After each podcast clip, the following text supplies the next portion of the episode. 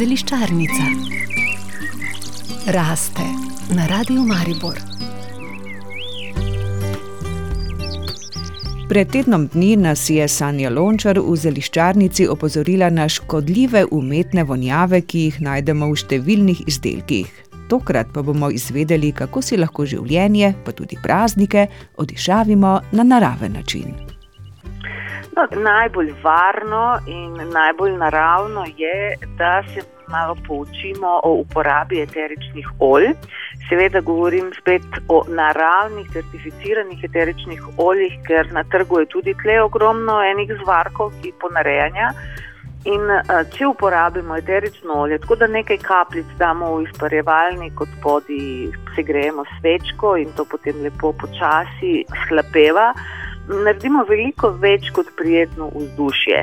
Večina teh eteričnih olj ima tudi močno pozitivne vplive na naše zdravje. Recimo v teh dneh, uh, ko je vse malo bolj sivo, če vdihujemo hlape rožmarina, lovorja, eukaliptusa, ne le da se bomo takoj boljši počutili, ampak tudi preprečujemo, da bi nas kakšen virus doletel, ker večina teh eteričnih olj je tudi zelo protivirusni. Torej, posebej v kakšni pisarni je smotrno malo odišaviti prostor če smo tako malo brez energije, energijo zelo dvignejo vonjave citrusov, torej limone, pomaranče, mandarine.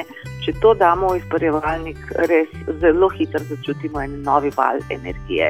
Če nas zazebe, potem uh, v izparevalnik damo kakšno kapljico klinčkov ali cimeta in zanimivo, kljub temu, da to ne uživamo, se bo cirkulacija v našem telesu izboljšala. In obratno, enkrat je moj dragi dal v izparevalnik meto, pa nisem niti vedela, samo me je v trenutku začelo zepst. Torej, pa se termostat ni nič spremenil, okna nismo odprli, ampak vdihavanje hlapov mete deluje tako ohlajevalno na telo. Torej, če se spoznamo na uh, aromaterapijo in če uporabljamo za res pristna olja, lahko rečemo temu tri na en mah dosežemo.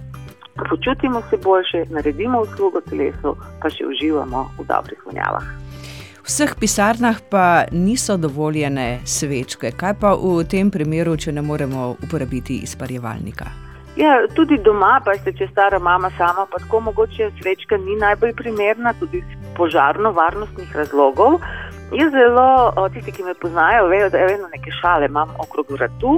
En praktičen razlog je ta, da eterična olja lahko nakapljam na šal. Šal mora biti iz čisto naravnega materijala, torej svila, volna ali bombaž, ker eterično olje ne smemo kapljati na sintetiko. In eh, potem ga imam tako pod nosom, lepo mi diši. In če mi je slučajno preveč, če se nasičim določene vonjave, potem preprosto ali obrnem ta del tako, da je na hrbtni strani, ali preprosto šal dam dol. Tako da na ta način zelo dobro uravnavamo, koliko dišečega vzdušja želimo. Sanja, kaj pa te dišeče svečke, ki so tudi tako priljubljeno božično darilo, da nimo zvonjem cimeta, zvonjem jabolk, vanilije in tako naprej? Povedati vam moram, da me prav unesrečijo, ko mi kaj takega podarijo ker še zaprte uh, mi dražijo sluznice. Jaz sicer verjetno imam malo bolj občutljive sluznice, ker uh, pazim, s čem jih obremenjujem, ampak vseeno uh, v naši hiši to gre takoj van in ti je žal, da delaš ekološko škodo, ker to še za, za bojnik ni. Tako da prosim, ne, uh, ne škodujte svojim prijateljem, če jim nekaj takega podarjate. Raje podarite uh, eno flaško pristnega certificiranega eteričnega olja.